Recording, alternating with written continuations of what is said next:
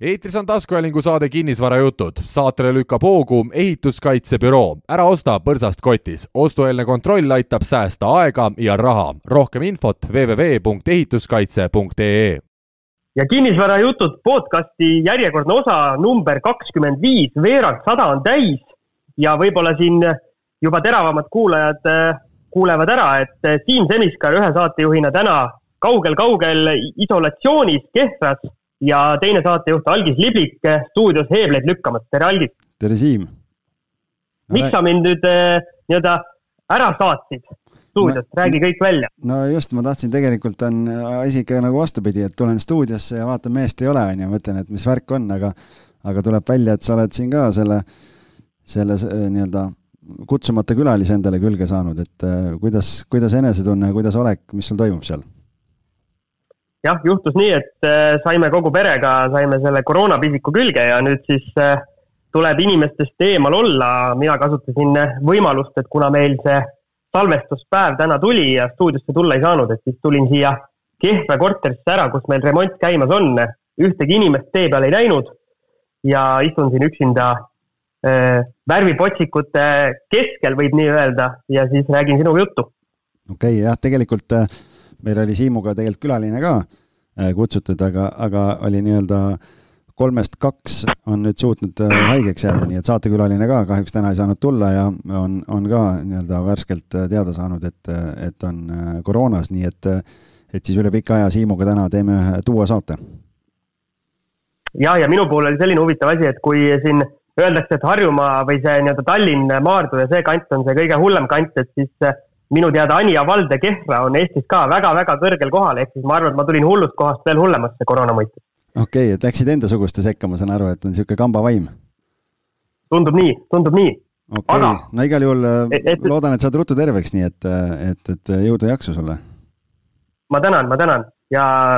meie kuulajatele siis, et olge teie ikka, püsige ikka terved, et siis äh, saate vähemalt rahulikult kuulata, ei pea kuskil isolatsioonis seda tegema või, või karantiinis, ma ei tea, mina vist pean olema karantiinis, kuidas need õiged väljendid on? ma isegi ei tea, see on, kõik on nii keeruliseks tehtud, et äh, aga, aga jätame selle mõne teise saate jaoks võib-olla, pigem räägi meile siis, kui sa seal Kehras juba oled, et äh, otse, otse lahinguväljalt, et mis sul seal toimub, mis seisus korter on, millal valmis saab? no mul on nüüd plaan, et kuna ma mitte midagi muud siin teha ei saa, kümme päeva või nüüd juba õnneks natukene vähem. Et siis äh, proovime selle Kehraga nii palju edasi jõuda, kui saab, kuna ei mul ega abikaasal suuri nii-öelda sümptome muid ei ole, kui see, et äh, on äh, nii-öelda maitselagedus tulnud, et maitset ei tunne ja lõhna ei tunne, aga muidu enesetunne on nagu hea, et siin annab äh, nokitseda küll, et võib-olla, võib-olla tuleb isegi selle Kehreri korteri mõistes natukene kasuks siin eh, suur tuba või elutuba on eh, sisuliselt valmis meil. Ja nüüd teeme siis magamistuba ja esikut ja siis on veel eh, nii-öelda köök ka vaja ette võtta. okei okay,, oskad sa hinnata ka siis, et mitu nädalat läheb veel või, või kaugel, kaugel finiš paistab? tead, sa ise oled ka kolme lapse isa, et sa tead, et sa võid igasugu plaane teha, aga need kõik võivad ühe hetkega uppi lennata, aga ütleme nii, et ma loodan võib-olla kuu ajaga saaks selle asja nii kaugele, et äh, saaks kuulutuse ülesse, siis ma oleks rahul. Okei okay,, ma tahtsin just öelda siia kõrvale, et ma, me nii-öelda mõlemad suurelapselise perevanemad siin, et ma ütlen nii, et mulle jääb üldse arusaamatuks, kuidas kolme lapse kõrval saab mingit remonti ka veel teha, nii et, et selle eest, selle eest juba nii-öelda boonuspunktid kirjas. no kohati ei saagi. nii et äh, tuleb, tuleb proovida endast parim anda, ega muud siin ei ole okei okay,, no väga tore, no jõudu-jaksu igal juhul, nii et, et, et loodan, et saate varsti valmis ja, ja juba kui, kui siin järgmiste saadete salvestused tulevad, siis saame juba tulemustest rääkida. absoluutselt, et kindlasti nagu nii-öelda sinu nendest äh, objektidest, mis nüüd äh, kas valmis on või kohe-kohe müüdud saavad või mis iganes äh, parasjagu sul käimas on seal, kõikidest nendest objektidest boonusosad meil on juba, on juba kas üleval või siis tulemas et vaadake äh, patreon.com kaldkriips kinnisvarajutud, saage meie või hakake meie toetajaks ja siis saate lisamaterjali, kus äh, vähe nii-öelda süvitsi meie enda tegemistega oleme läinud ja mõnikord ka saatekülalised pakuvad oma mingite konkreetsete objektide numbrid äh, ja löövad need letti. just, et no ma võin nii palju lihtsalt lühidalt öelda jah, et mõlema korteri kohta see boonusosa, boonusosa on, on meil tehtud, nii et, et lihtsalt on, taust on see, et Mustamäel Vildetee kahetoaline korter, mille renoveerisime, sellel on ostja olemas, pidi olema nüüd notar eile, aga, aga kuna hüpoteegipidaja perekonnast tuli alarma, et on üks inimene palavikus ja ei saanud nii kiiresti ümber reageerida, siis me pidime tehingu nädala võrra edasi lükkama, aga nii, et järgmine nädal see korter saab müüdud. ja Koidu tänaval siis see ühetoaline stuudiokorter, sellega osas praegu äh, siin nuputame, et kas ikkagi õnnestub äkki see endale portfelli jätta või, või müüme ära, noh, tähendab, müügikuulutus on üleval ja, ja huvilisi käib vaatamas, et äh, Koidu viiskümmend seitse, kuuskümmend tuhat maksab, nii et äh, et, et siin praegu järgmise kahe nädala küsimus nüüd, äh, mis pidi, mis pidi me selle nagu ära lahendame, nii et, et hoian teid siis kursis, kuidas selle korteri lõpptulemus jääb. no me hoiame igal juhul pöialt sulle, et kõik hästi läheks aga tänane osa siis nagu öeldud sai, et teeme kahekesi, teeme niimoodi distantsilt, äh, selline asi, mida seni me ei ole veel kunagi teinud, saab äh, esmakordse, esmakordselt see ka ära tehtud, aga meie plaan siis täna on selline, et kõigepealt Algis tahtis natukene rääkida siin kinnisvaraturu hetkeseisust, et asjad tunduvad, et on päris, päris kuumad. Algis seal sees olles natukene juba kõrvetada saanud võib-olla, et tahab rääkida sellest. ja siis mõtlesime, et meil on tulnud paar päris sisukat kuulaja küsimust eh, otse meile siis eh, sotsiaalmeediasse. Ja mõtlesime, et eh, kuna nii-öelda ühele inimesele vastu trükkida pikk, pikk jutt võib-olla läheks isegi natuke raisku, et siis toome need küsimused nii-öelda laiale publikule välja ja vastame siis nii, et võib-olla lisaks küsijale mõni teinegi inimene saaks veidi kasu jaa, sest tegelikult praegu jah, miks ma Turust tahtsin rääkida, on lihtsalt see, et et see on selline igapäevane teema, et kuna turg on praegu ikkagi nagu hästi-hästi aktiivne, siis tegelikult noh, ise ka siin praegu ikka ülikeeruline on investoritel mingeid objekte leida, kuigi noh, viimasel ajal on vähem aega olnud nagunii selle jaoks üldse, sellepärast et nii-öelda üüri, üüri ja müügiportfell on praegu selline, et on vaja selle realiseerimisega kõvasti tegeleda ja võib-olla ostuklientidega nii palju aega ei ole, aga aga jah, tegelikult täna enne, enne salvestusele tulekut äh, nägin, nägin uudist, et äh, tegelikult on, on jah, ikkagi praegu see defitsiit äh, turul on äh, päris jõudsasti kasvamas, ehk et äh, et viimati oli pakkumiste arv äh, nii väike. Siim, paku, millal? tuhat üheksasada üheksakümmend üheksa. ei no nii, nii hull päris ei ole, kuigi kaks tuhat kuus väidetavalt oli, oli nii väike pakkumine viimati, nii et noh, see näitab juba ise seda, et see oli selle eelmise buumi, buumi plahvatamise eel siis ütleme, jah? no just, et, et see nagu näitab, et, et praegu on, on siin kõva, kõva andmine käib, nii et aga, aga noh, eks seal on omad põhjused ka ja tegelikult on on siin viimastel päevadel hästi palju igasuguseid uudiseid ja artikleid tulnud sellel teemal, et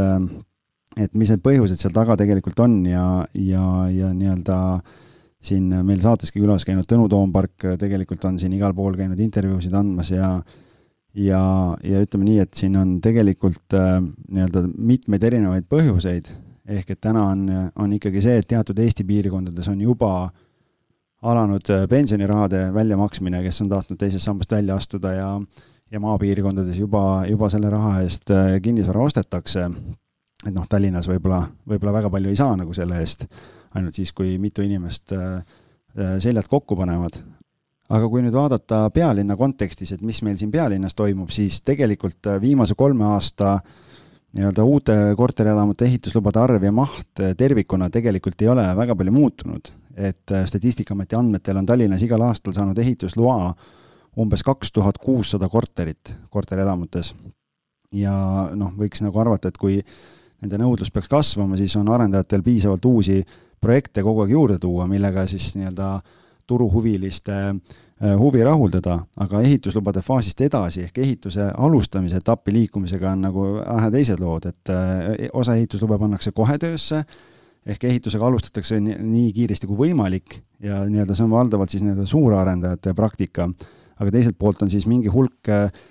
selliseid ehituslubasid, millele hakatakse siis loa väljastamise järel alles siis arendajat või ehitajat või, või finantseeringut otsima ja siis noh, sellest tulenevalt nii-öelda kogu protsess venib. ehk siis ehituslubade väljastamine, eks see kaks tuhat kuussada korterit ei tähenda, et need nüüd kõik siis kohe mingi aja jooksul nii-öelda turule tulevad, ehk et seal on teatud selline äh, viibega asi on sees ja, ja uute korterite ehitamisega alustamine on kaks viimast aastat on vähenenud et kui kaks aastat tagasi või kolm aastat tagasi siin oli Tallinnas uute korterite turupakkumine nii-öelda tipus, et siis Tallinnas alustati kahe tuhande kaheksasaja kolmekümne ühe korteri ehitamist, siis eelmisel aastal oli kaks tuhat kuuskümmend viis ehk et äh, vähenemine on kahe aastaga olnud kakskümmend seitse protsenti. nii et sealt on tegelikult äh, võib-olla üks selline põhjus, miks äh, täna ikkagi nii-öelda Tallinna kontekstis seda pakkumist on vähem ja, ja tegelikult inimestel täna kas siis inflatsiooni kartuses tahetakse rahasid äh, varadesse ära paigutada või või, või pensionirahadest tulevikus siin on ju, kus hinnanguliselt pensionirahadest hinnanguliselt sada kakskümmend viis miljonit eurot äh, on see raha, mis võiks liikuda äh, kinnisvaraturule, nii et, et kui praegu juba turg on viimased neli-viis kuud olnud nagu üli-üli-üliaktiivne, siis praegu ei ole nagu näha äh, kust see jahtumine saaks tulla siin kaks tuhat kakskümmend üks nii-öelda äh, teine, kolmas, neljas kvartal, nii et, et äh, põneval ajal elame, Siim. aga minu küsimus on see, et kui sa ütlesid, et nii-öelda suur defitsiit on praegu tekkimas, et aga kas ja nii-öelda sa lugesid neid numbreid justkui nii-öelda uute korterite kohta, aga mina, kes ma tegutsen täiesti nii-öelda järelturul, mida see minu jaoks tähendab, et kas järelturul on ka mingi defitsiit või me räägime ikkagi siin uusarendustest, mille hinnad siis äh, järjest lakke kerivad ja minu need nii-öelda paneelikad jäävad ikka vinduma samale hinnatasemele. noh, tegelikult on, äh, ega eks turul on ju vaata üldine nõudlus on ju, et tegelikult on ju see, et ega eks äh, nii-öelda üks osa ongi neid, kes otsivad neid uusarendusi ja, aga teine osa on see, kes, kelle rahakott võib-olla sinna ei küündi või, või noh, täna, kes nii-öelda investeeringute eesmärgil ostavad, siis siis kuna ruutmeetri hinnad on nii kõrgeks läinud ja noh, nii-öelda defitsiit teatavasti tavaliselt põhjustab veel seda, et hinnad lähevad ülesse siis see tähendabki seda, et ega ma arvan, et ega see järelturg on samamoodi nagu väga aktiivne, ega täna ka, kui vaadata portaalides, siis ja, ja olen siin suhelnud hindajatega ja ja, ja näed, mis ümberringi toimub, et et ega siin täna nagu kauplemise ruumi väga ei ole, et hea asi pigem läheb ikkagi kiiresti ära, et kui nagu õigel ajal jaole ei saa, siis siis äh, oled ilma, nii et selles plaanis ma arvan, et ega see see mm, tei-, nii-öelda järelturu korterite seis ei ole selles plaanis nagu teistsugusem, et, et samamoodi andmine käib, nii et, et kogu Tallinna turg tervikuna ikkagi siin noh, on juba nii kõlavaid pealkirju isegi olnud, et et kes sügisel kodu osta tahab, see on juba hiljaks jäänud, on ju, noh, et ma, ma nagu ei ei, ei, võib-olla nii suure eufooriaga kaasa ei läheks, aga, aga noh, selles mõttes ikkagi nii-öelda turg on hästi-hästi aktiivne ja, ja kes nagu vähegi ta noh, siin on muidugi kaks poolt, on ju, et üks pool ütlebki, et aga praegu siis pole mõtet osta, on ju, et aga aga noh, Siim, sina oled teistesse varaklassidesse ka pannud, et kas täna on paremat alternatiivi äh, sellega võrreldes, võttes arvesse kõike seda volatiilsust, mis meie ümber täna toimub, et mis sinu hinnang on? tead, ma ei oska sulle isegi sellele küsimusele vastata, kuna noh, kõiki aspekte vaadates peaks ju hetkel meil olema kas juba päris kõva kriis või siis me peaks olema kriisieelses seisundis, kuna see tervise, tervisekriis on meil siin üle aasta juba kestnud ja paljud sektorid on ikka täiesti lömaks löödud ju ja on, on terve hulk inimesi, kes on tööta jäänud ja nii-öelda nende järgmine küsimus on, kust saada nii-öelda järgmine leib lauale, mitte see, et et hakata kinnisvara ostma, et paljude inimeste jaoks tundub see täiesti mõistetamatu, et kuidas inimestel nii palju raha üldse on mm. -hmm. nojah, ega selles mõttes, et ega, et ega siin. no rikkad saavad rikkamaks ja vaesed jäävad vaesemaks. sellest kriisist tundub niimoodi. no eks ta on nagu ikka, ikka alati vist niimoodi olnud jah, et, et selles plaanis ei ole, ei ole seal vist kunagi nagu teistmoodi läinud, nii et, et aga aga jah, et ütleme siis turu koha pealt nii palju, et, et et äh, action käib ja no ma ütlen, et ega ei ole täna lihtne leida, nii et kui sa oma, kui sa oma kehra seal äh, valmis saad ja hakkad järgmist objekti otsima, siis, äh, siis ma usun, et päris kõva challenge saab sul olema. ma arvan ka jah, ja siis tuleb lihtsalt hakata vaatamas käima ja vaadata ja sest nagu öeldakse, nii-öelda häid tehinguid leiab igas turufaasis. lihtsalt mõnikord tuleb neid nii-öelda rohkem otsida. noh, ja seal ongi tegelikult ega see ka ju, et, et üks asi on otsida ja noh, teine asi on ikkagi jah, see, et, et kes nagu valmis asja tahab, siis noh, ühtpidi lähevad ära need, mis on renoveerimist vajavad, need kõik otsivad ju tikutulega. ja teistpidi ikkagi on näha ka seda, et noh, turul nagu kvaliteeti on kõvasti, aga, või seda kvantiteeti on kõvasti, aga kvaliteeti on vähe ja teine pool ongi see, et noh, kui osta ja ja korralikult ära teha, siis tegelikult on, on kindlasti sealt ka nagu nii-öelda äh, huvi päris suurt oodata, kui, kui keegi, keegi nii-öelda flipida tahab, aga noh, flipiga jälle see, et flipiga tehakse ju raha ostes, nii et, et praegu võib-olla selle jaoks ei ole kõige paremad ajad, et aga noh, üüriportfelli kasvatada saab ju kogu aeg, lihtsalt see, kui praegu pakkumiste arv on suur ja, ja tootlus võib-olla selle võrra natukene madalam, siis ma ikkagi ütlen nii, et et just mul üks, üks klient äh, siin eelmine nädal, kes ütles, et äh, kuule, et otsiks mingi korteri, tegeles siin mingi rahastamise küsimustega veel ja, ja, ja nüüd ütles, et kuule, sain, sain äh, raha pea, äh, nii-öelda teada, et, et saaks teise laenu, aga, aga ikkagi mõtlesin, et praegu, praegu nagu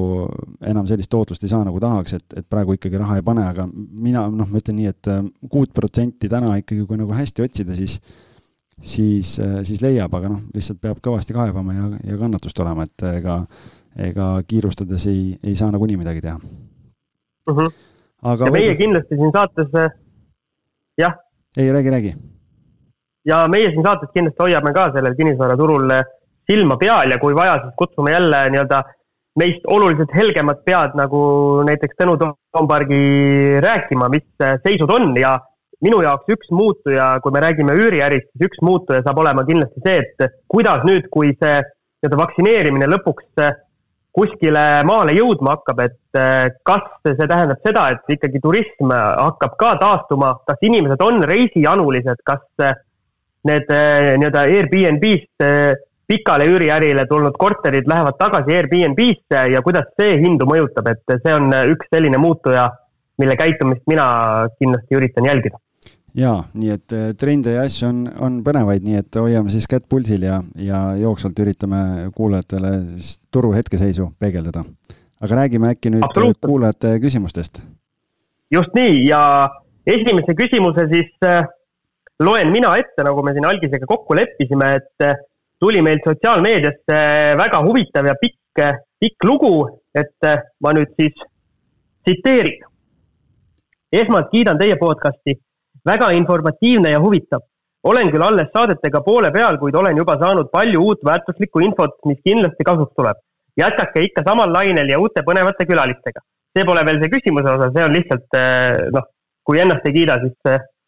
kes see ikka kiidab, et ma pidin selle osa ka ette lugema. said aru, Algis, jah? sain, sain. nii, ja nüüd tuleb siis see kinnisvara osa või mitte kinnisvara, vaid küsimuse osa. Eh, alles hiljuti avastasin enda jaoks kinnisvara investeerimise aspektist ning mõtlesin teilt küsida natukene ka personaalset nõu. kinnisvarasse investeerimise mõte tekkis umbes pool aastat tagasi ja tegingi esimesed ettevalmistused laenu saamiseks.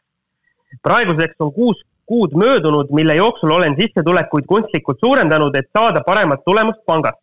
hetkel on pakkumised saja viiekümne tuhande kuni kahesaja viiekümne tuhande euroni koos lisatagatisega. siinkohal tahaksingi küsida, millises suunas jätkata kas alustada väikeselt, näiteks paneelkorteritega või pigem võtta suurem korter paremas piirkonnas.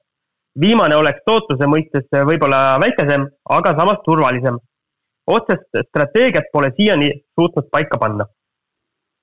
vot selline, selline küsimus. väga huvitav küsimus ja tegelikult on,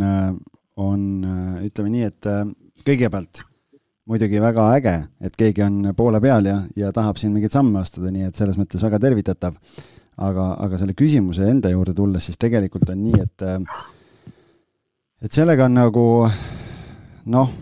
ma räägin võib-olla oma versiooni ära ja siis Siim, sa, sa saad nagu nii-öelda vaadata, mis sina nagu mõtled sellest asjast, aga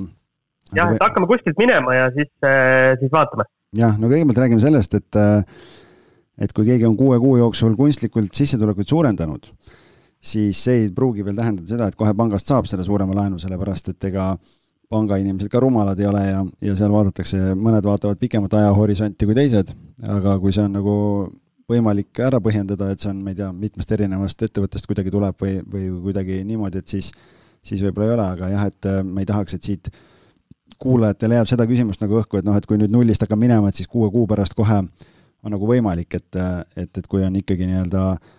tükk tühja maad olnud justkui või, või, või väga, ma ei tea, miinimumpalk on olnud ja nüüd järsku on tõusnud seal äh, viiekordselt ja siis kuue kuu pärast tahetakse panka minna, siis pangal võib tekkida kerge küsimus, et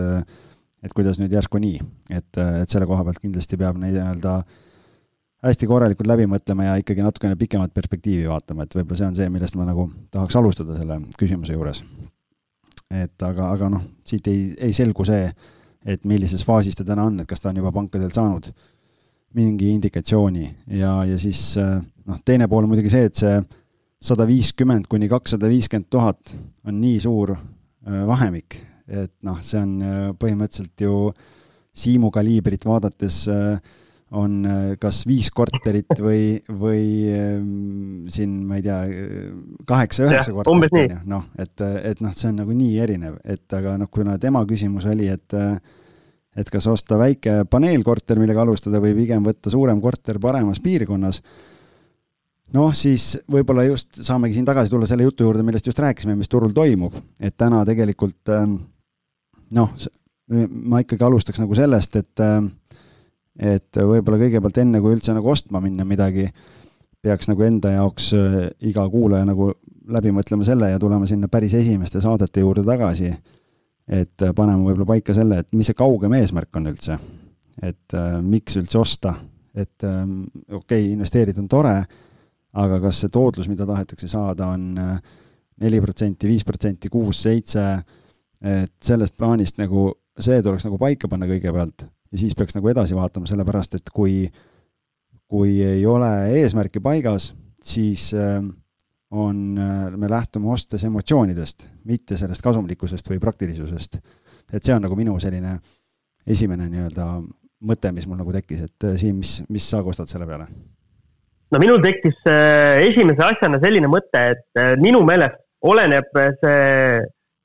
tähendab, ütleme nii, et äh, esiteks me peame vist ära mainima, et me otseselt ei anna siin mingit investeerimisnõu, et me võib-olla räägime selle küsimuse kohta nii-öelda oma, oma vaatevinklist ja mina ütlen konkreetselt, et see, mis mina räägin, see oleks võib-olla see, mille suunas mina mõtleks, ehk siis kuidas mina teeks. aga see, kas see konkreetsele inimesele ka õige on, seda kindlasti me ju lubada ei julge on nii, eks? jaa, täitsa nõus. nii, aga esimene asi, mis mul äh, nii-öelda mõttesse tuli, oli see, et seda, seda teksti lugedes, siis äh, kui ma teeks seda asja nii-öelda kodulaenuga eraisikuna, siis ma läheks ühte teed pidi ja kui ma teeks seda nii-öelda ettevõtte alt, siis ma läheks teist teed pidi. kas sa räägid mõlemad teed ära ka? ma räägin mõlemad teed selles mõttes ära, et äh, kodulaenuga eraisikule tehes, mina läheks seda nii-öelda suurema, suurema ja siis ütleme uuema korteri teed, uus arendus näiteks. põhjus lihtne, sest kui sa võtad selle kodulaenu ära ja võt-, ostad selle eest väikese ühiku, siis pärast nii-öelda teine kodulaen saada või see ümber, ümber finantseerida kahe objekti jaoks midagi, see on noh, ma eeldan, kas väga raske või võimatu. on mul õigus? jaa, täiesti nõus ja tegelikult, kui siia küsimuse juurde tagasi tulla, et inimene on oma sissetulekut suurendanud, siis tõenäoliselt me ikkagi räägimegi nii-öelda kodulaenu võtmes. just, just. Ja kui ma teeks seda asja ettevõtte alt, kuigi siin võib ka, ütleme nii, et natukene mõelda, et noh, et sa nii-öelda parandad oma firma finantspositsioone, siis okei okay,, et see võib ka selle kuue kuu, kuue kuu alla mõelda, et mitte siis ei ole oma nagu nii-öelda palgalaekumist kunstlikult suurendanud, vaid ettevõtte nii-öelda laekumisi äh, ma ei tea, kas kunstlikult saab suurendada, aga noh no, no, mingid, äh, mingid mitte võib-olla annab välja mõelda. no jah, ütleme nii, et, et võib-olla sinna, ärme sinna rajale lähe, et, et las. jah, ärme sinna lähe jah. aga ühesõnaga, kui ma teeks seda ettevõtte alt, siis ma läheks pigem äh, nii-öelda väikeste ühikute suunas, et tekitada endale järjest rahavoogu, mis siis nii-öelda panga silmis ettevõtte väärtust ka kasvatab kui sa mõistad, mida ma. ja, ja no tegelikult ma, ma tuleks selle kodulaenu asja juurde tagasi, tegelikult see on nagu hästi-hästi hea point, et sa selle välja tõid, et äh, ja et kui, kui kodulaenuga osta ja laenuvõimekust on, siis äh, just, et, et noh, kuna kahte objekti kodulaenuga ei osta reeglina, et tavaliselt saad osta teise kodulaenuga korteri siis, kui sul on esimene, esimese nii-öelda laenujääk on juba nii väike, et, äh, et kunagi kümme-viisteist aastat tagasi ostnud ja enam-vähem juba on nagu ära makstud, et siis, siis tõenäoliselt võib nagu sinna selle teise, teise kodulaenu juurde saada, aga jah, et kui praegu peaks nagu nii-öelda kodulaenuga ostma esimese korteri, siis, äh, siis võib-olla jah, selles mõttes on su nii-öelda jutus on nagu iva sees, et tegelikult ma vaataks nagu lisaks sellele, et äh, et on äh, nii-öelda mm, noh, võimalikult, et osta võimalikult kallis või nagu võimal-, noh, kasutada nii palju laenuraha kui võimalik, selles mõttes, et kui ikkagi antakse kakssada viiskümmend, noh siis, siis aga noh, seal peab jälle seda riski hindama jälle, et, et tegelikult on nii, et mida suurem ja kallim korter, mille sa ostad, siis äh, kui nii-öelda üüritootlusesse nagu ümber arvutada, siis seal on, selles mõttes on nagu risk olemas, et äh, mida kallimaks ja suuremaks läheb, seda, seda väiksem on see tõenäosus, et, äh, et sa, või noh, tähendab, kui üürnik välja kolib, et sul on see sihtrühm, potentsiaalne sihtrühm üürnikest on väiksem, ehk et vakantsi nii-öelda risk on suurem, ehk et ja siis see tähendab seda, et sa pead ise maksma seda, seda pangalaenu tagasi, et et selle koha pealt on nagu see üks asi, aga noh, teise koha pealt jälle, kui sul on nagu laenuraha nii odavalt käes, nagu täna on, noh siis oleks nagu rumal nagu kasutamata ka jätta, et, et siin peab iseendal siis nii-öelda vaatama, et kuidas see, kui suur see nii-öelda riskitaluvus on. ja, ja kindlasti ja üks, üks asi, mida ma tahan siia juurde tuua, kui ma siin nüüd segan siin vahepeal, siis kui need numbrid siin on välja toodud vahemikus sada viiskümmend kuni kakssada viiskümmend tuhat,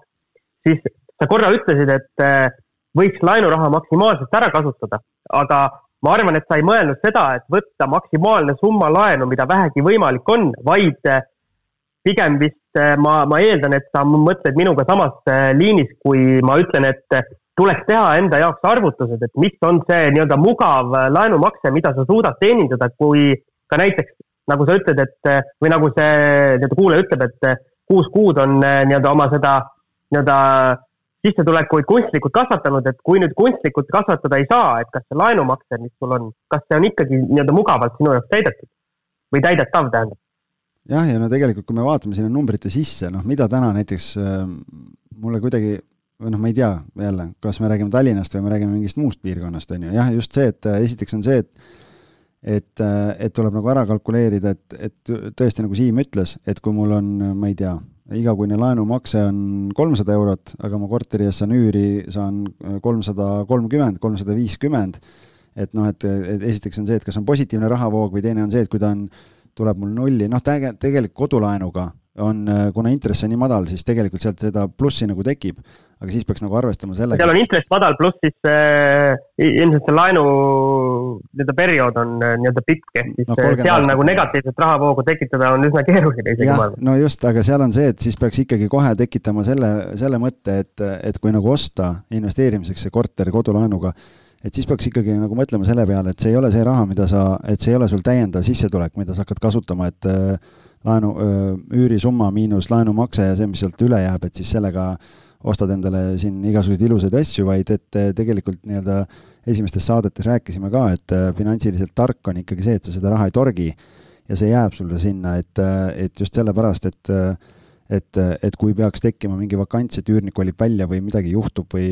või tekib mingi kindlustus case või mingi asi, et siis sul on ikkagi nii-öelda reaalne raha äh, puhver olemas, mida sa saad kasutada selleks, et äh, pangalaene maksta ja, ja muid mingeid kulusid võib-olla, mis äh, võivad tekkida korteri väljaüürimisega, et, et see on nagu hästi-hästi oluline meeles pidada.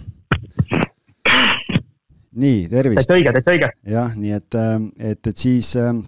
aga noh, kui me vaatame, et üks on sada viiskümmend tuhat korteri, teine on kakssada viiskümmend tuhat, noh siis ega Tallinna kontekstis täna selle saja viiekümnega saab kahetoalise korteri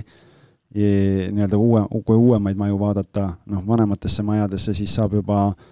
kuskile paneel, paneelikatesse või niimoodi saab juba, juba suurema korteri ja kahesaja viiekümne tuhandega täna uusarendusse neljatoaliste naljalt nagu ei leia. et, et on nagu kolmetoalise korteri hind, et äh, aga noh, siis peabki vaatama jälle seda piirkonda ja kõiki neid asju, et äh, et järelturul kahesaja viiekümnega kindlasti leiab äh,, leiab väga korraliku sellise neljatoalise korteri ka ja, ja noh, seal on jälle hästi palju, siis peab nagu vaatama seda poolt, et, et kumb siis nagu mõistlikum oleks numbrite mõttes, et mis üüripakkumiste eh, nii-öelda numbrid täna näitavad, et kui võrrelda turgu võtta kõrvale, et kui ma ostan nüüd endale kahetoalise korteri või kolmetoalise või neljatoalise, et mis see potentsiaalne üüritulu on ja kuidas see suhestub siis selle laenumaksega, mis sa iga kuu saad ja, ja, ja sealt nagu vaadata, et millist summat siis nagu ründama minna, et täna siin nagu ühest vastust anda selles suhtes keeruline, et et see sõltub väga palju piirkonnast ja, ja sellest noh, seisukorrast ja ja, ja, ja, ja kõigest sellest, et erinevates piirkondades on erinevate korterite järele nagu erinev nõudlus. aga Siim, tahad sa siia midagi lisada veel? ega ei taha, sest äh, olgem ausad, nii nagu sa hästi välja tõid, et äh, tegelikult ju äh, neid variante, mida kaaluda, on mitmeid, nii nagu see nii-öelda kirjutaja meil isegi välja toob ja kellelgi kõrvalt siit nii-öelda ei ole võimalik äh, mingit äh, ühtset suurepärast nõuannet nüüd anda, et tee täpselt nii ja siis on äh, nii-öelda pudrujõed ja mis need olid, piimamäed või kuidas need olid? jah, kes, kes neid kõiki vanarahva tarkusi mäletab, et jah. aga, aga tegelikult et, teine pool, Siim, et ettevõtte alt investeerides, et räägime selle poole ka siis ära, et kui, kui inimesel on plaanis sada viiskümmend tuhat kuni kakssada viiskümmend tuhat ettevõtte alt investeerida, mitte kodulaenuga, et siis mis su nägemus siis on? räägi oma versioon ära ja siis, siis ma sekundeerin või oponeerin. ma saan aru, see sada viiskümmend kuni kakssada viiskümmend tuhat on eh, nii-öelda laenuvõimekus mm. -hmm. et äh, mitte nagu see, mis on äh, võimalik äh, investeerida, aga ettevõtte alt mina, vähemalt mina isiklikult ja, ja mida ma nii-öelda olen ka teinud, siis äh, olen ikkagi läinud pigem seda tootlust jahtima. ehk siis äh, väiksemad ühikud äh, suurema tootlusega mitte siis see uusarenduse suur korter, vaid äh, ütleme nii, et olen napsanud hetkel ka siis endale portfelli erinevaid, e-, erinevaid väiksemaid ühikuid ja just, just niimoodi, et äh, esimese laenu ma ei olnud üldse kindel, kui palju mulle laenu antakse ettevõttele või mis, mismoodi see asi käib ja selle ma tegin nagu läbi äh, siis väiksema, väiksema korteriga või no ütleme, see oli küll Tallinna korter, et ma siin pärast Vaida oma on olnud äh, poole odavam, aga, aga põhimõtteliselt, et ma ei, ma ei läinud võtma nagu või küsima maksimaalset laenu, mida mul oli võimalik saada, ma lihtsalt tahtsin minna kindla peale, et ma tean, et ma selle laenu saan. jah, no tegelikult äh, siin on jälle ju see asi, et ega, ega meil Siimuga siin seda nii-öelda, mina soovitan ka seda, et ikkagi, kui on võimalik nii-öelda, eriti kui on nagu alustava investoriga tegemist, siis esimese asjana kohe osta suur ja kallis, nii-öelda üks tükk. Noh, see risk on lihtsalt suurem, et tegelikult võiks nii-öelda alustada ikkagi sellega, et osta mingi selline pisem, ühe- või kahetoaline, proovida kätt, vaadata, kuidas läheb, õppida, teha järeldused, vaadata, mida saab teistmoodi teha, osta teine osta kolmas, nii edasi, aga enne, kui, kui seda teed nagu minna, siis tegelikult äh, tuleks ikkagi pangaga hästi lahtiste kaartidega rääkida, et mis pank nagu ütleb, et kui ma nüüd ostan ühe korteri endale ära siin viiekümne tuhandega näiteks, et kuigi noh, pakutakse siin kakssada viiskümmend tuhat näiteks nii-öelda laenuosa, aga et kui ma ostan viiekümne tuhandega, et äh, kas ma saan kohe osta teise ja kolmanda ja neljanda ja, ja noh, minna niipidi? Või mis nagu pank räägib, et tahavad nad näha kõigepealt mingit äh, mingit track record'it või kõike seda poolt, on ju, et noh, Siim, sina oled pankadega rohkem suhelnud kui mina, et äh, et mis sa selle koha pealt oskad kosta, et, et mis pangad ütlevad selle peale? no ma saan aru, me räägime ettevõttest ikkagi. ikka, ikka. no seal on see, et kui sa teed eh, nii-öelda nullist ettevõtte, siis äh, alguses sul laenurahale ei ole mõtet äh, sisuliselt üldse loota. ma, ma ei tea, et keegi oleks saanud alustavale ettevõttele kohe, kohe laenu. Mäletad, meil käis ka Kristi Saare oli see osa number kümme, kui ma nüüd ei eksi, ehk mm -hmm. juubeliosa oli mm. -hmm kus ta rääkis ka, kui nad on äh, nii-öelda sõbrantsidega pannud äh, ettevõtte kokku, äh, alguses ostsid omakapitalist kortereid ja nüüd siis, kui juba kas viis korterit oli olemas, et siis vaikselt hakati nii-öelda pankade poolt jutule võtma, kuigi tegelikult nad esialgu arvasid, et see piir võiks olla umbes kümne korteri juures, mis tekitavad siis positiivset rahavoogu. minul oli vahe see, et mul oli ettevõte, mis tegelikult tegutseb mujal valdkonnas, nii-öelda toimiv ettevõte kus äh, nii-öelda sissetulekud on olemas. ja sellisel juhul sa saad nii-öelda kõrvaltegevusena kinnisvara investeerimise täiesti käima lükata. ja täpselt nii, nagu sa ütlesid, mina läksin ka pangaga avatud kaartidega rääkima, ütlesin, see oli sisuliselt aasta tagasi, kui see koroona asi algas. ma mäletan, et siis ma võtsin selle eesmärgi, et äh, aastal, aastal kaks tuhat kakskümmend peab minu portfelli tulema kaks üürikorterit või olema minu, minu portfellis kaks üürikorterit, tol hetkel see tundus nagu utoopia natukene. aga siis ma läksingi pangaga rääkima, mul on selline eesmärk, et alustada tahaks ühest ja siis, siis edasi vaadata ja ma enam-vähem mingid numbrid sain alguses erinevatest pankadest teada. olen selle kohta isegi kirjutanud väikese postituse meie Patreoni kuulajatele või, Patreoni toetajatele, et kes siin kuulab seda saadet, pange korra paus, minge patreon.com, kaldkriips kinnisvarajutud, seal on mõned blogipostitused meie, meie toetajatele ja boonusosad, et sealt leiate ka minu selle ettevõtte, ettevõttele võetud laenusaaga lahti kirjelduse, et võib-olla saate sealt targemaks. aga mu jutt on nii pikaks läinud, mis see küsimus oli? ei, ei vaata, tegelikult oligi see, et noh, pigem jutt, jutt liikus sinna, et noh, et kui uus ettevõte teha, aga noh, kui inimene ütleb, et ta noh, nagu me enne rääkisime, et kui ta nii-öelda on et, kui oleks nii-öelda ettevõttel selline võimalus, et on nüüd äh, rahavood on järsku suurenenud, on ju, viimased, äh, viimased kuud on head olnud ja kui on olemasolev ettevõte juba, siis on ikkagi samasugune olukord, nagu sul oli, et kui on ikkagi väga hea track record'iga ettevõte, kus äh, kus rahavood on korralikud ja, ja bilanss ja kasumiaruanne kõik on paigas, noh siis tegelikult peaks nagu saama äh, osta sellele korterile lihtsamini neid äh, korterid, nii nagu Siim, nii et, äh, et selles just, ja kui sa ettevõttele ostad ikkagi investeerimisobjekti, siis loevad natukene teised asjad, kui sa kodulaenuga lähed äh, ostma, sest kodulaenuga ostes sa ju ei ütle pangale tegelikult kohe alguses või ma ei tea, võib-olla mõni ütleb, et ma ostan selle üürikorteriks, siis sul pannakse kohe, kirjutatakse sinna teised intressid, mul on tunne jah, siis öeldakse, et, et see ei ole ju kodulaen, et see on investeerimise ja. jaoks, et siis on jah, kohe intress muutub, nii et aga, aga jah, selles mõttes. öelda siis ettevõttele laenu võttes, äh, kui sa nii-öelda tood kõik numbrid välja, et näed, et korteri hind on selline, üürihind saab olema selline, tootlus saab olema selline, positiivne rahavoog saab olema selline, kui te annate mulle sellise pikkusega laenu ja sellise intressiga. et kui need kõik numbrid nii-öelda paberil äh, nii-öelda kokku jooksevad, siis, äh, siis ega pank ju nii-öelda head tehingut kindlasti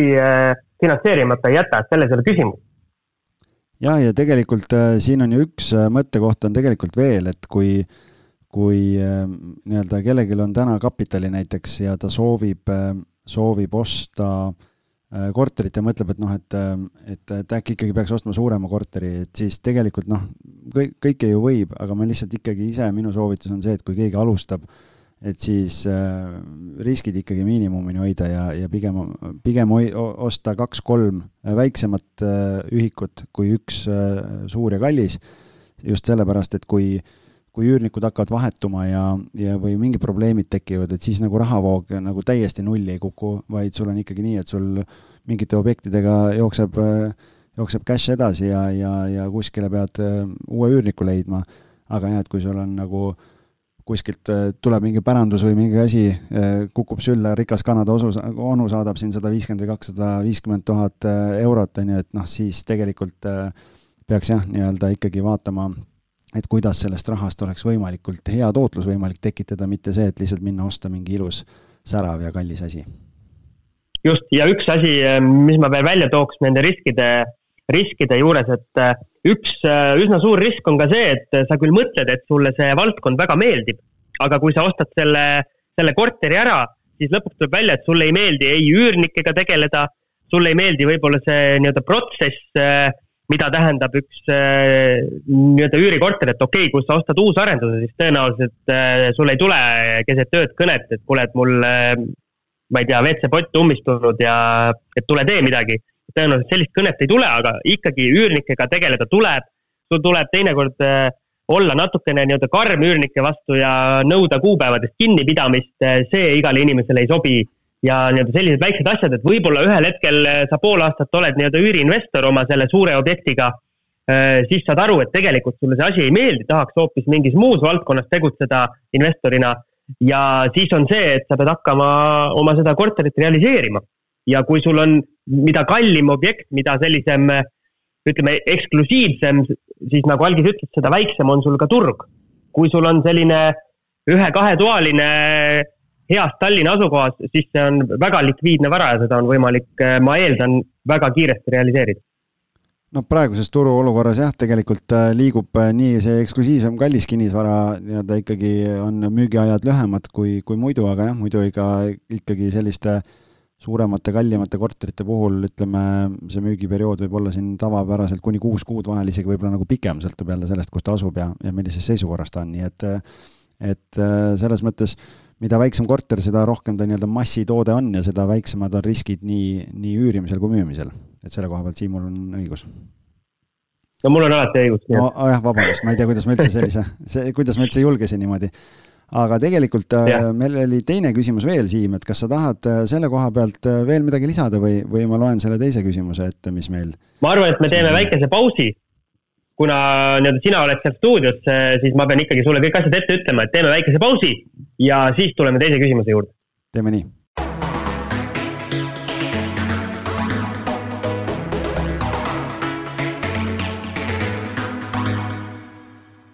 nii, ja oleme meie pisikeselt pausilt tagasi, vahekõll kuulatud ja tuleme nüüd tagasi siis meie teise kuulaja küsimuse juurde.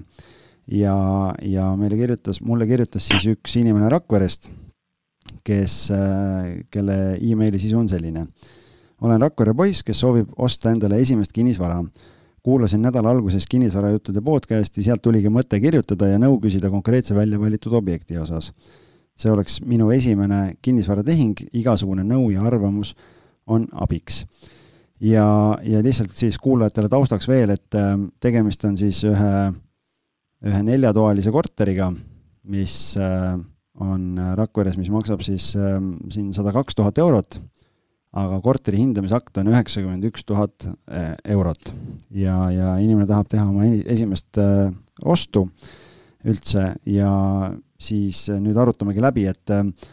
kas, kas on mõistlik osta või ei ole ja, ja mida siis nagu silmas peaks pidama, et äh, Siim, sina kuulsid seda küsimust praegu esimest korda, et mis mõtted sul sellega seoses tekkisid? no esimene mõte kohe, et kas oli kirjas, no ma saan aru, et ei olnud kirjas, aga oleks võinud olla kirjas ka, et mis see eesmärk on, ma saan aru, et see on ikkagi nii-öelda üüri, nii-öelda üürikorteriks, on mul õigus?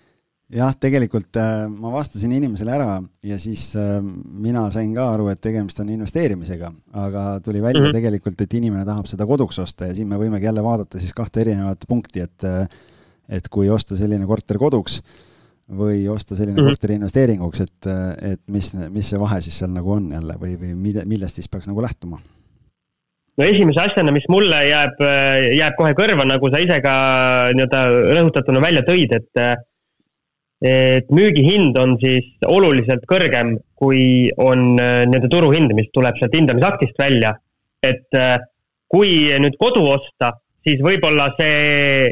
ei ole nagu pidurdavaks äh, aspektiks nii väga, kui see tõesti, see objekt nii väga meeldib, on sinu jaoks täiesti ideaalses asukohas, sa tead, et seal võib-olla, ma ei tea, lähima X, X aja jooksul ei tule midagi sarnast müügile et siis võib-olla on, äh, on põhjendatud äh, nii-öelda turuhinnast kõrgemat hinda maksta, aga investeerimisobjektina ma ei näe põhjust küll, ma ei tea, kas üldse kunagi turuhinnast kõrgemat hinda maksta. Noh, tegelikult ma olen sinuga jah, selle koha pealt nagu nõus, et me oleme eelmistes saadetes ka rääkinud siin, et kui kodu osta, vaata siis kodu ostetakse tihtipeale nagu vajaduspõhiselt, on ju, ja kui sa leiad lõpuks siis selle korteri, mis kas asukoha mõistes või, või on seal mingi kindel asi, mida sa otsid, on ju, ma ei tea, kahele autole parkimiskoht või, või osa otsib siin mingit äh, pottahju või, või mingeid selliseid äh, segmente või noh, mingeid erinevaid nüansse, et noh, kui, kui ta sellisel kujul on, noh siis, siis, äh, siis ma ütlen nii, et, et siis nii-öelda teatud, on lubatud võib-olla emotsioonidel ju natukene nii-öelda äh, voli anda, aga teisest küljest on küsimus jälle selles, et äh, et teadmata ja, ja, ja nii-öelda süvitsi mitte nii-öelda Rakvere turgu nii palju tundma, tundu- äh,, ei tunne, et ei tea, kui palju neid neljatoaliste pakkumisi seal täna on. et siis tegelikult selles plaanis nii-öelda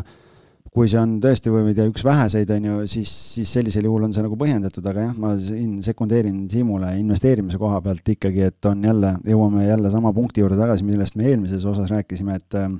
mitte eel, eelmise küsimuse juures siis et noh, sajaruudune korter, neljatoaline Rakveres ja üle kümne protsendi või siin ma ei tea, kaksteist protsenti üle reaalse turuhinna, siis see ei ole tark investeering, sellepärast et, et, et sealt on juba see tootluse kadu on nii suur, et, et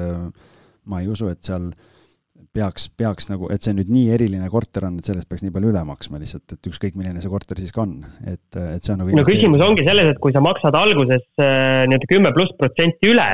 siis see tähendab seda, et äh, oletame, midagi läheb valesti ja sa pead hakkama näiteks aasta pärast seda korterit realiseerima. ja no ma ei ole nüüd küll numbrite inimene, aga kas tõesti äh, nii-öelda loota, et aastaga Rakveres hinnad tõuseksid kümme protsenti, siis äh, mina nii-öelda sellisele kaardile mitte kunagi oma nii-öelda lootusi ei paneks, et minna mängima selle nii-öelda kinnisvara hindade kasvuga, vaid äh, ikkagi nagu Algiski siin mitmel puhul on öelnud erinevates episoodides, siis raha tehakse ikkagi ostes. ja, ja tegelikult, kui vaadata Rakvere turgu, Siim, äh, lihtsalt sellel ajal, kui sa rääkisid, ma kasutasin kohe võimalust, ma võtsin müügipakkumised lahti, on neli või tähendab kuus äh, korterit, neljatoalist korterit Rakveres müügil. ja, ja siin hinnaskaalad on seitsmekümne viiest tuhandest kuni, kuni saja kahekümne nelja tuhandeni välja, äh, sõltuvalt siis asukohast ja suurusest ja, ja osad on uusarenduste omad ja osad ei ole. et see on nagu üks pool. teine pool, kui rääkida nagu investeerimise poole pealt, siis Rakveres täna üürikorterite pakkumisi neljatoalisi on null. siin on nüüd jälle kaks poolt. Äh, variant üks on see, et, et lihtsalt äh, nõudlus on nii suur, et nii kui tuleb, nii kohe läheb ära, on ju. et, et jube hea on osta neljatoalist ja, ja kohe välja üürida, aga mulle pigem tundub ikkagi tõenäoline see, et kui need hinnad on seal vahemikus seitsekümmend viis kuni sada kakskümmend viis ja selle korteri puhul ka sada tuhat, et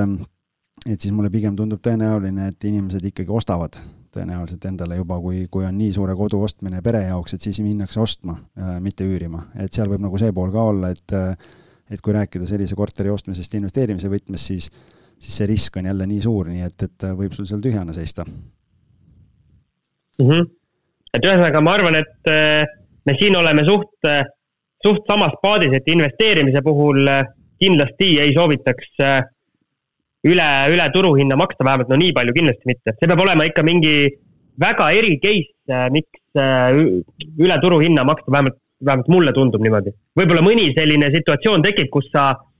näed, et sa suudad mingi, äh, ma ei tea, nipsust pärast sellele objektile mingit lisaväärtust anda ja sa tead, et sa suudad selle hinda kohe nii-öelda kasvatada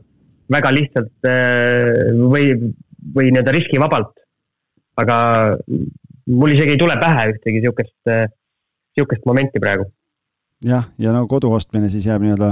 jätame selle nii-öelda otsa siis lahti, et nii-öelda see on ikkagi selline vajaduspõhine ja natukene emotsioonidel baseeruv ka. aga ikkagi seal tuleks siis ka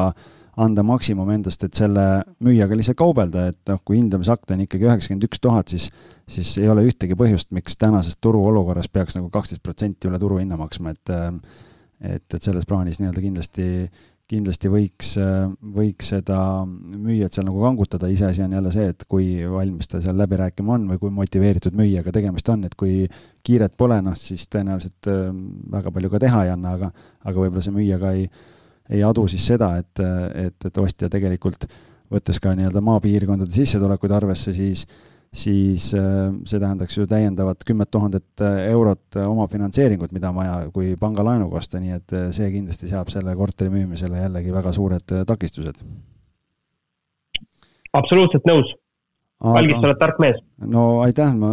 tunnen sama, et ma tahtsingi öelda, et sa täna väga palju rääkisid kohe, et, et oled kohe siin kodus julgust kogunud, nii et sinust võib isegi täitsa asja saada, kuule. ahah, ma just mõtlesin, et ma siin lasin sul rohkem rääkida, et saame mõne osa sellise vähe targema sisuga ka täita. aga ma arvan, et äh, tõmbame siinkohal siis otsad kokku, et, äh, et äh, oli huvitav, Siim, sinuga niimoodi, et, et ei istu sama laua taga, et, et, et ma arvan, et tuli täitsa, täitsa saate moodi asi, nii et loodame, et siit kuulajatele tekkis ka väärtust ja, ja need kahe kuulaja küsimused olid sellised, mille, millest siis nii-öelda kõigil on võimalik õppida ja, ja kui ikkagi kuulajatel on äh, on küsimusi, võite tulevikus meile kirjutada, kirjutada ja, ja, ja kui on mingid sellised väga, väga kasulikud ja head küsimused, siis kindlasti võtame saates jälle lauale ja arutame läbi. Absoluutselt, et äh, üks variant on siis meile kirjutada kas otse sotsiaalmeediasse või meili peale, kõik kontaktid äh, on üsna avalikud meil, et äh, veidi otsimist ja saate kätte. teine variant on ka meie Facebooki gruppi minna, Facebooki grupi nimeks samuti kinnisvarajutud et seal samamoodi, et kui julgete oma, oma nime ja näoga küsida ja miks ei peaks julgema, eks. et siis laduge küsimus letti ja siis ei ole vastajaks vaid meie kaks, vaid seal on väga-väga helgeid ja tarku päid meil seal grupis ja isegi iga päev jälle, no võib-olla mitte iga päev, aga üle päeva kindlasti mõne väga nii-öelda suure tarkuse mina sealt endale kaasa haaran tulevikuks. Ja meil on jah, seal väga põnevaid teemasid, nii ehituslikke küsimusi kui juriidilisi, nii et kogu aeg äh, on seal võimalus arutada, õppida ja, ja nii-öelda lugeda, nii et, et igal juhul äh, soovitan kõigil võtta see aeg ja, ja sinna seda seina natukene scroll ida, et äh, saab kindlasti väga palju targemaks. just, ja üks plaan on meil veel tekkinud, mis tuli ühe meie toetaja, toetaja nii-öelda sulest, et teeme enda Patreoni toetajatele, pluss siis meie saates külas käinud inimestele sellise väikese jututoa. Et äh, vähe selline eksklusiivsem asi, et äh, saab, saab küsida siis äh, väiksemas seltskonnas, võib-olla rääkida mingeid selliseid lugusid, mida avalikult rääkida ei taha. et plaan on selline asi meil käima lükata, ehk siis kes tahab osa saada, siis taaskord patreon.com kaldkriips kinnisvarajutud, saate sinna minna, ühel hetkel saate informatsiooni ja kui soovite liituda, siis juba teate, mida teha. jah, aga Siim, äh, soovin sulle siis siit äh, Manta Maja stuudiost äh, head paranemist ja, ja, ja lihtsalt nii-öelda etteruttavalt võin kuulajatele juba ära öelda, et järgmises saates oleme, oleme jälle külalisega kui, kui vahepeal ei tule signaali, et, et külaline haigeks on jäänud, aga, aga praeguse seisuga on jah plaanis plaanis taas kord äh, külalisega saade teha, nii et, et siis püsige lainel ja, ja püsige terved. Ja, ja kui selle saate heli on tuksis, siis äh, süüdi on algis. noh, ütleme nii, et eks me kõik õpime ja järgmine kord siis on juba paremini, nii et, et noh, Siim, sinu taseme teen ikka ära, aga, aga kas paremini tuli, eks äh, seda saame pärast hinnata. no see õppimise jutt juba liiga palju kindlust mulle ei sisenda, nii et äh, loodame, et on kuulatav jah, teeme nii, aga püsige lainel ja hoiame ühendust, Siim. olge terved.